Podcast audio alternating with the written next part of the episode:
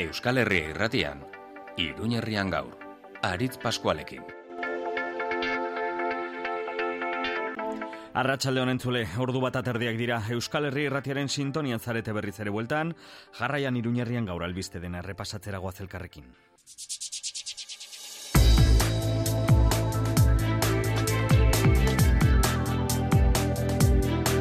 Erregaiaren prezioaren e, igoerari aurregiteko gobernuak enpresei muga jarri beharrean bere poltsikotik guztion poltsikotik ordaindu du prezio errebaja bat, jeitxiera bat. Gaurtik aurrera aplikatuko da neurria, baina gasolindegietako langile arduradunek ez dute horren argi ikusi. Hogei sentimo litroko beherapena egin behar diote bezero bakoitzari, baina nahiek aurreratu dirua.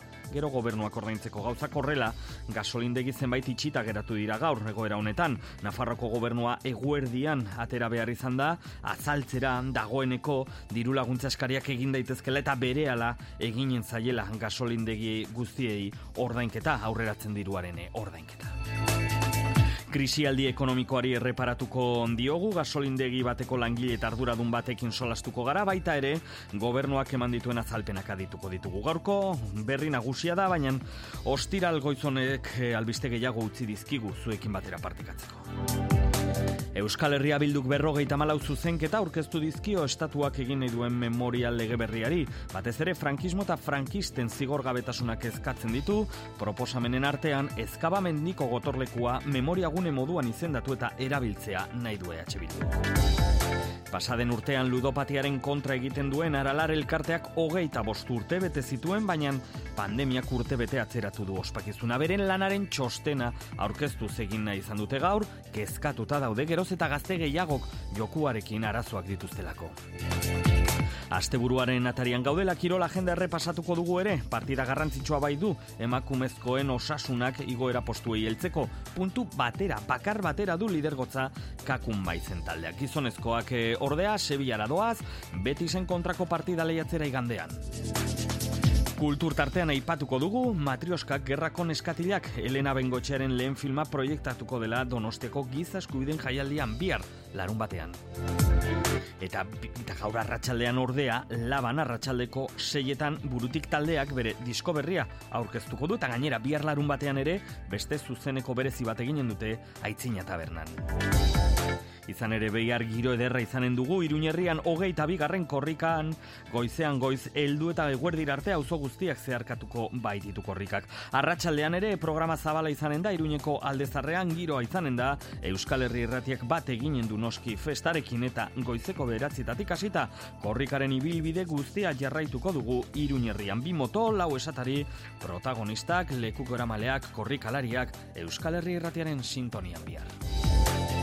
Badauek dira, ostirale goizonek utzi dizkigun albiste nagusiak edukietan sartuko gara berehala, aldez aurretik eguraldiari ere erreparatuko diogu.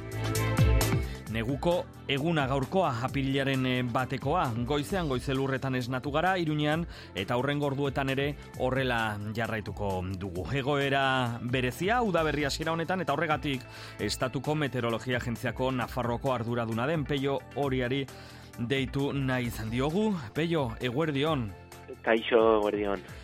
Zuri hasi zaigu, apirila, txuri-txuri gure kaleak.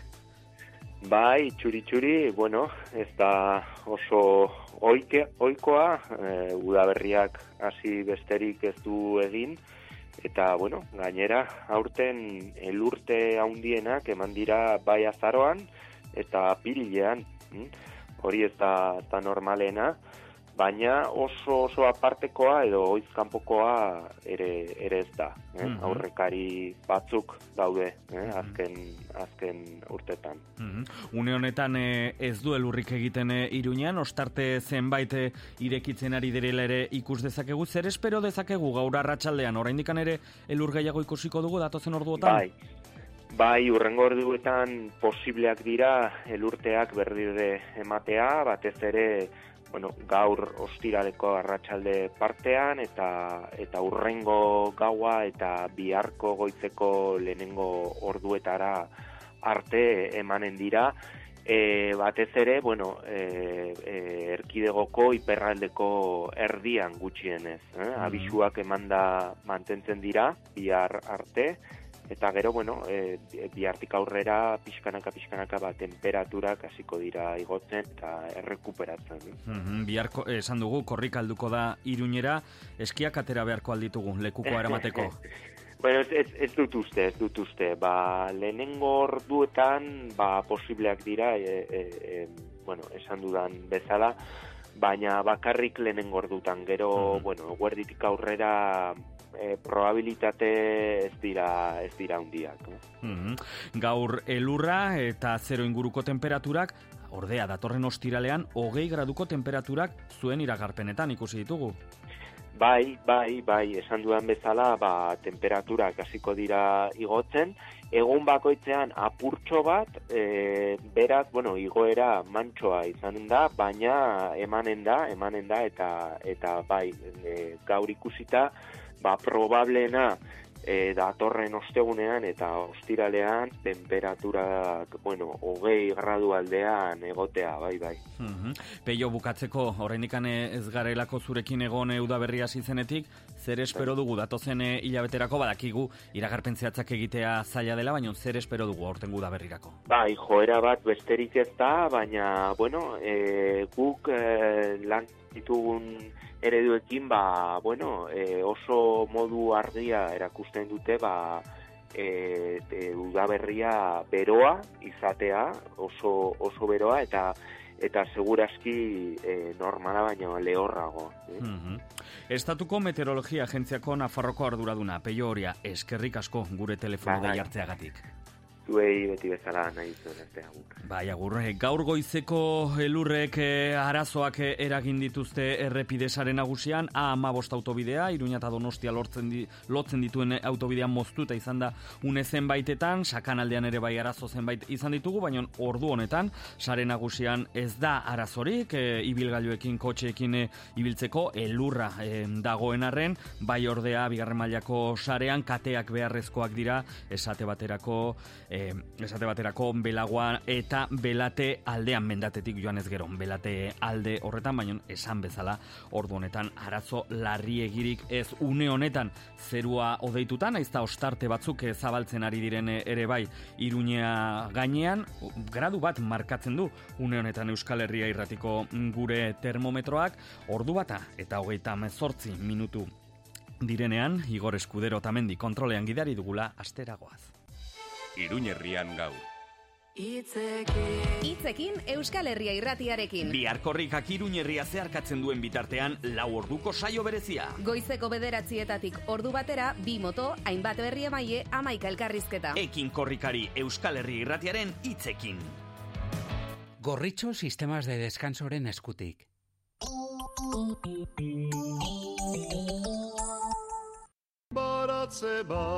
Emakumeen osasunari garrantzi handia ematen diogu ekiaeko denan garrantzitsua baita barrutik eta kanpotik zaintzea. Higiene intimorako produktu ugari aurkituko dituzu ekiaeko dendan baita aurpegia gorputza eta hilarentzako kosmetiko naturalak ere, eta emakumearen barne oreka zaintzen laguntzen dizuten osagarrietan aukera zabala. Ekia eko den da iturra mauzoa Fuente del Hierro lau. Azken aldian albiste txarrak baino ez ditugu entzuten, baina honak ere behar ditugu gure osasunerako. Guk albiste ona eman nahi dizugu. Aurten amabi urte bete ditugu. Amabi urte erlek ematen dizkiguten produktu ez gozatzen. Kalitate goreneko eztia, erregina jelea, polena eta propolia eskaintzen. Eskerrik asko zuri bezero, urte hauetako konfiantza eta babesagatik. La Colmena, Hilarion Eslabakalea, iru. Interneten lacolmenatayuda.com. Zure enpresa digitalki eraldatu behar baduzu telelanera edo lau puntu zero industriara egokitzeko jabiserren lagundu zaitzakego. Zure sistema informatikoa mantentzen dugu. Neurrira egindako aplikazioak eta web horriak garatzen ditugu. Lantaldeak prestatzen ditugu ikate tresnak eta aplikazioak erabiltzeko. Jabiser, bederatzi lau zortzi, zortzi bost zero, bat lau bost. Zehaztu dezagun nola lagundu zaitzakegun.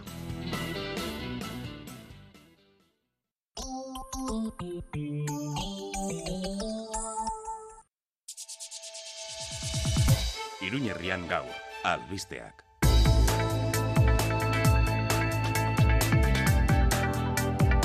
Arratxaldeko ordu biak izateko, hogei minutu falta direnean Euskal Herri irratian, gertuko albisten kontakizuna egiten hasiko gara egunero ordu honetan egiten dugun bezala. Ze gaur goizetik aplikatzen da Espainiako estatuko gobernuak aplikatzen edo indarrean sartu duen hogei sentimo litroko erregaiaren prezioari aurregiteko neurri beria. Neurri berria, entzutzen, errebaja hori. Kezka, haunitze sortu ditu neurriak batez ere gasolindegietan, haiek aurreratu behar zutelako edo dutelako, eh, hain zuten beherapen horren eh, berapen hori, eta horrexegatik eh, gaur goizean haiekin solasteko naia izan dugu. Gasolindegi batetara joan gara, zein den egoera, eta zen neurri aplikatuko dituzten eh, jakiteko, haiekin eh, mintzatu da loizune amatera zabaltza gure lankidea. Guardion, loizune. Eguerdion, Espainiako gobernuak erregaiaren prezioaren igoerari aurre egiteko hogei zentimoko beherapena iragarri du bai, baina gasolindegi askoren itxiera eragindu lehenengo egunetik. Aribeko gasolindegiko kasua da hori, koldo landa da jabea.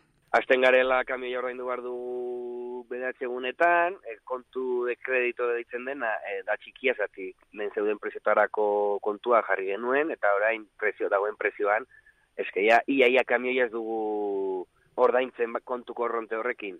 Orduan, pues, da oso zaila, niretzat oso zaila.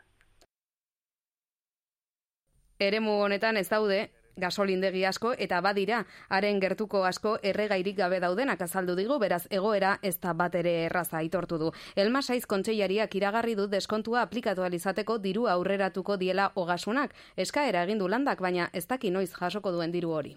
Ez dakite zer, ez dakite nola egin, bai izan dutela, eh, eskatu behar dugula eh, aurreratzea diru hori, eskatu behar dugu aurreratzea, baina e, oraindik ez dakite noiz ordaindu behar duten, nola egin behar duten, eda nik uste dut azkenean bota digutela arazoa kamilarien arazoa edo guri. Eta guk egin behar dugu bankuak izan bar gara, ez dugu galdu behar ez paperik ez ezerrez e, diruaz galtzeko, guretzat oso zaila. Ekainaren hogeita marrer arte agindu du Espainiak neurria, ordura arte litroko hogei zentimo deskontatu beharko du gasolindegi bakoitzak litro bakoitzeko. Bada, hain zuzen, e, gasolindegietako langileek e, azaltzen e, zituzten kezkak eta kesak aintzat hartuta, gaur eguerdian e, zoiko e, prentxaurrekoa, eta urgentziazko prentxaurrekoa eman behar izan du, Nafarroko gobernuak azaltzeko dagoeneko, ogasun e, saileko e, webgunean pres dagoela diru laguntza honen diru aurrerapena eskatzeko e, prozedura guztia bertan izan dira, bai Elmasaiz, e, Ogasunerako, kontxelaria eta baita Mikel Irujo, ekonomia kontxelaria ere. Solindegiek eh, hidrokarburoen azken prezioan beherapena egiteko diru laguntzak kobratzeko aurrekina eskatu izateko eskabide horria pres dagoela Nafarroko ogasun webgunean. Aurkezteko epea aprilak amabostak arte e, egongo da irekia. Aurrekina amar milioi eurokoa izan daiteke eta guztira hogeita maus milioi euroko gastua aurrekusten da. Azken egunotan, esan bezala, laguntza hauek jasotzen dituzten sektoreako hainbat eragileekin bildu egin gara eta aurrengo egunean horrela jarrituko dugu egiten beraiekin batera e, behar diren neurriak hartu izateko eskariak dagoeneko egin daitezke, apirilaren ama arte eta diru itzulerak datorren astelenetik aurrera egiten hasiko direla aurre ikusten du Nafarroko gobernuak. Gaur Mikel Irujok ere bai azaldu du ikuskaritzak ez duela antzeman di, e, prezioen gorakadarik gasolindegietan behin e, beherapenaren e, neurria iragarri zelarik, alanek eta guztiz ere datozen egunotan ikuskaritza gehiago eginen e, direla ere bai, azaldu du hain zuzen e, erabiltzaileek, e, herritarrek ordaindu ez dezaten, gehiago ordaindu ez dezaten, Espainiako gobernuaren laguntza iragarpen edo laguntza neurri honengatik.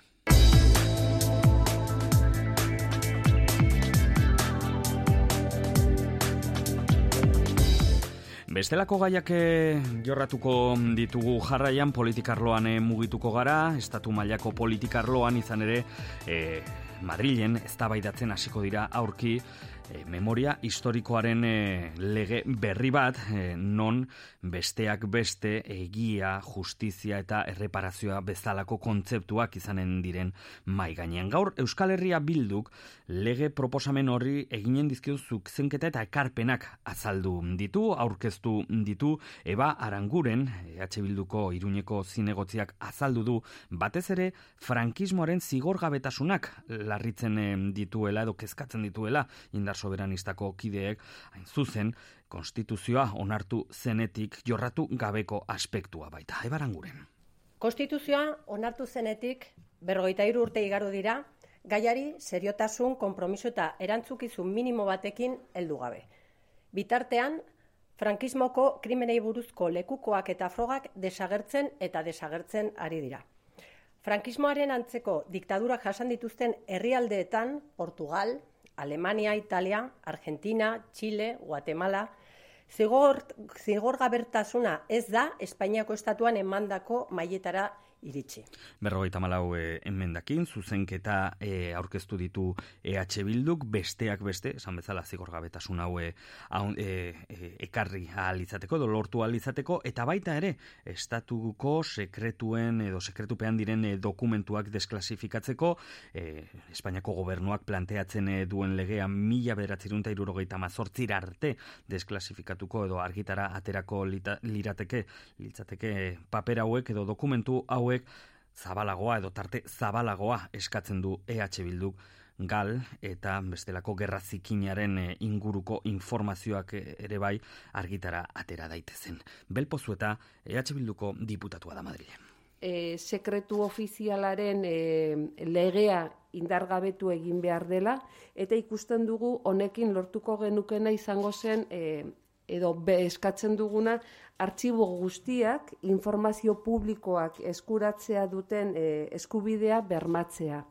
Baita ere, memoriagunen inguruko ekarpenak eginen ditu indar soberanistak, esate baterako, erorikoen monumentua, hemen e, irunean, bere gaineko obrak erabat egin daitezen, eta baita ere, zentzu berria eman altzaiola e, ikusita eraikinari hori aipatu dute, eta ezkabamendiko goterlekuan, presondegia ere bai, e, Nafarroaren esku geratu dadila, orain badakizue defentsa ministerioaren esku dagoela, eta bertan memoria gune bat eraikitzea eskatzen du Euskal Herria Bilduk.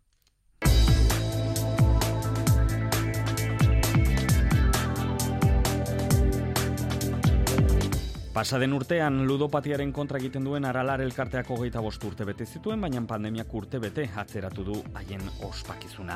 Beren lanaren txosten aurkeztu egin dute gaurkoan, kezkatuta daude geroz eta gazte gehiagok jokoarekin arazoak dituztelako.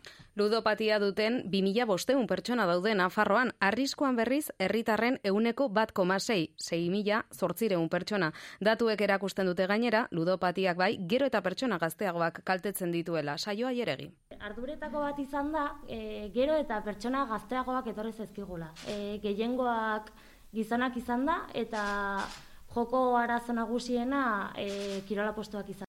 Mila egun pertsona hartatu ditu hogeita bost urteetan elkarteak, emakumengan arreta jarri nahi dute orain gizonezkoekin alderatuta somatu baitute gero genero rolen eraginez, beranduago eta larriago jotzen dutela laguntza eske. Ikusia dagoelako, e, jolasten duten pertsonen artean, irutatik bat emakumea dela. Baina hori, e, gure elkartera eramaten badugu ero, edo elkartetara e, orokorrean, euneko amarra edo gutxiagoko e, presentzia daukago emakumeena. Azken urteetan nabarmenki aldatu da jokoaren eremua, 2008tik legezkoa da online jokoa, eskuragarriagoa da, ordutegirik gabekoa, joko aretoak areagotu dira, 2008an baino hogeita sei gehiago daude Nafarroan, asko parke eta ikastetxeen ondoan, eta kirolari lotutako jokoak asko zabaldu dira, elkarteak uste du araudi zehatza behar duela gaiak. Gure helburua da, zorgarritasuna daukaten pertsonen aukera hori murriztea. Pozi gaude alde batetik badagola aldaketa bat, eta ikusia delako sozialki badaudela egiteko gauza pilo bat eta egiten ari direla, baina ez da nahikoa. Dauden aldaketa hauekin, adingabek jokatzen jarraitzen dutela, eta e, autoprobitua dagoen pertsonak jokatzen jarraitzen duela. Elkartearen urte urrena ospatzeko eta elkartea bera finantzatzeko kontzertu antolatu dute zentralen izanen da hilaren zazpian Kutsi Romero, Alfredo eta Iker Piedrafita edota loko piratariko dira akustikoan. Ni eskere loizune iritziaren tartea zabalduko dugu jarraian, Jokin Kastillak egin diguzutabea. Gorritxo, sistemas de descansoren eskutik, plaza. Gorritxo, sistemas de descanso, benetako atxedenaldiaren plazerra. Urtebeteko atzerapenarekin atzo abiatu zen korrika amurriotik eta gure herrietako errepideetan barna gau eta egun aritu ondoren, bihar iritsiko zaigu lekukoa iruñerrira bere donostiarainoko bidean. Beti bezala, lasterka iritsiko da eta lasterka jarraituko du bere bidea. Aekak bere goiburuan daraman alfabetatze eta euskalduntze helburuan korrika egiteko dagoen premiaren metaforoa moduan antza.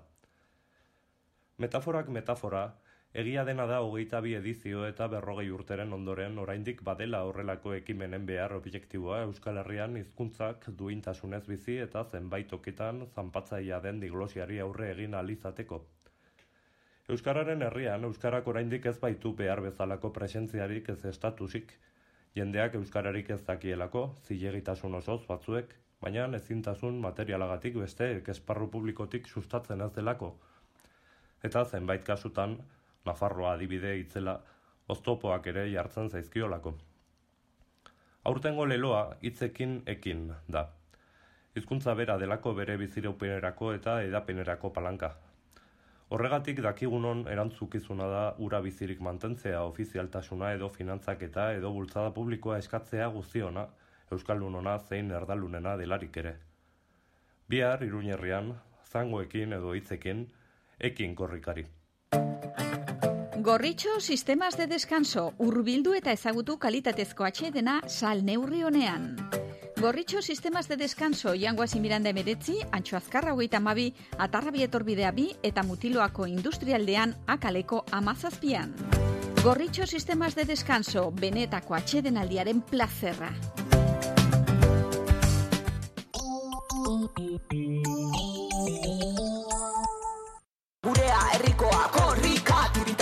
Gorritxo sistemas de descanso benetako atxeden aldiaren plazerra. Jango Miranda emeretzi, antxo azkarra hogeita mabi, atarrabia torbidea bi eta mutiloako industrialdean akaleko amazazpian. Gorritxo sistemas de descanso korrikarekin bat. Noainen, serreria espartza. Zurdindegi eta ebanisterietarako hornikuntza. Altzariak, eskailerak eta upelak egiteko askotariko zura. Gaztainondoa, gereziondoa, lizarra, informazio gehiago serreriaesparza.com webunean. Gure berezitasuna, aritza. Orain zerbitzu berria, telemedikuntza teknologiarik aurreratuena zure eskura. Erretinaren patologiak prebenitzeko begia aztertzen dugu, baina orain begininia dilatatzeko tanten beharri gabe, azterketa pertsonalizatua. Optika Iruña, Aliozko Monasterioa lau, Donibane auzoan eta optikairuna.com webunean.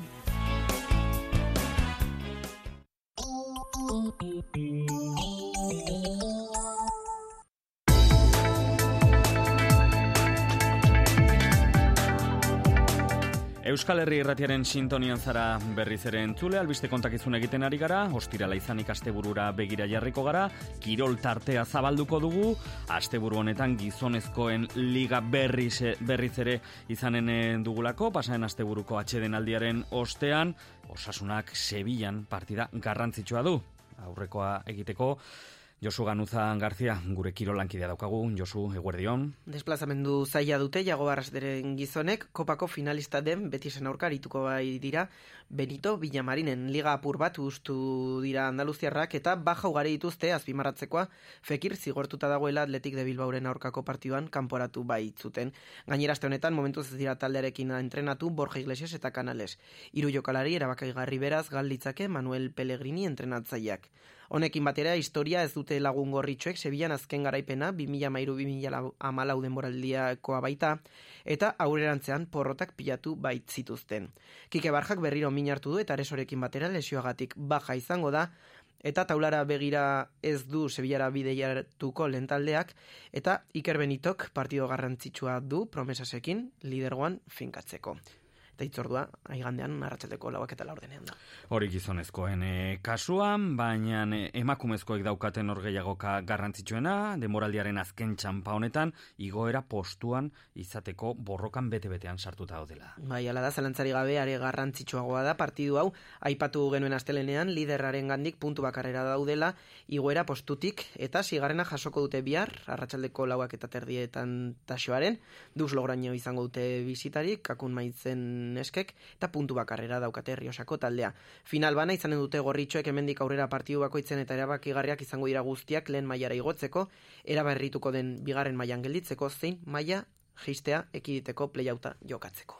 Mi esker eh, Josu kiroltarte albo batera utziko dugu, ogoratuta hori bai ere bai, bihar txirrindularitza profesionala izanen dugula Nafarroan, Miguel Indurain sariarekin lizarra alde horretan kiroltartea, esan bezala albe batera utzi, kultura ere bai zabalduko dugu, aipatu aipatzen, Matrioskak gerrako neskatilak Elena Bengotxearen lehen filma proiektatuko dela Donostiako gizaskubideen jaialdian bihar larun batean. Reia silintxeta. Azaroan estrenatu zuen Bilboko Zinebi jaialdian eta Malagatik pasa ondoren orain ikusgai izanen da Donostian.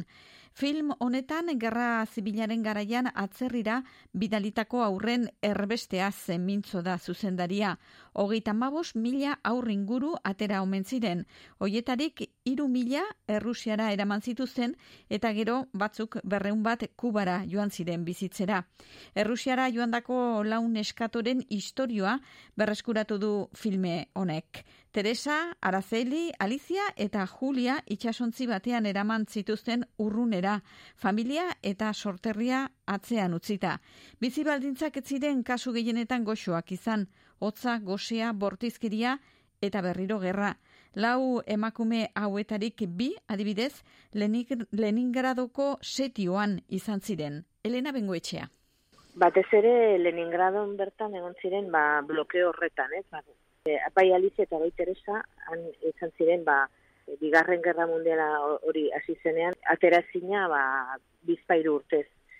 Eta bueno e, gaur egungo San Petersburgo hiri horretan blokeo horretan txikora bera zazpireun mila lagun ziren gozez edo hotzaz josita edo bi gauza batera.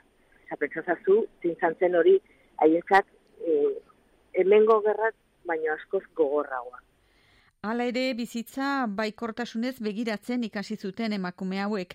Espainian geratuzkero etorkizun iluna izanen zuten pobreak eta galtzaileak izan da, baina atzerrian behintzat bide berri bat egiteko aukera izan zuten. Hainbat gauza txarrak jasan beharra, baina horrekin batera oso paradogikoki ba, badute bere aukera ba, ikasteko, ba, bueno, lan honak egiteko eta bere burua irekitzeko zer nahi dut hemen gehatzen bazara, e, bueno, ba, ba, bagenekien zer gertatu zen gero, ez? Ba, egun alderretikan, bain ikuste, emaku, batez ere, emakumezko kasuetan oso ongi aprobetsatu zuten e, olako aukerak. Duela sei urte hasi zen Elena Bengoetxea lan hau prestatzen eta tartean pandemia bat izan da zailtasun ugari izan dute proiektua aurrera eramateko. Denbora tarte honetan Alicia eta Araceli zendu dira, baina Teresak eta Juliak eta hien senideek behintzat orain arte izan ez duten aitortza jasoko dute.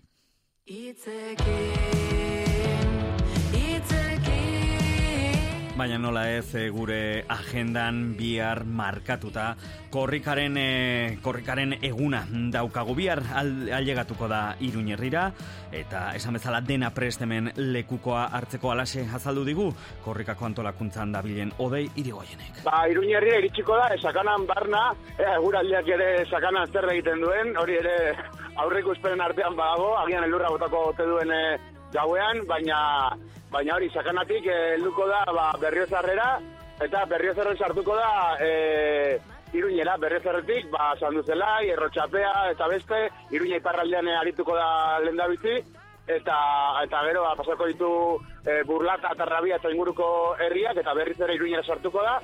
E, zarra, doniban guzti horiek pasako ditu eta eta noainera arratsaldeko irurak aldean ba, bertatik e, egoalderan ziateko Eta gogoratu Euskal Herria irratian programazio berezia izanen duzuela, bihar larun batean, goizeko bederatzietatik hasita, ibilbide guztia kontatuko baitizuegu, bi motorretan, lau esatarirekin eta protagonista guztiak izanen ditugu hori, bihar izanen da, korrika eginen dugu hemen Euskal Herria irratian. Irratian, goizak gaur.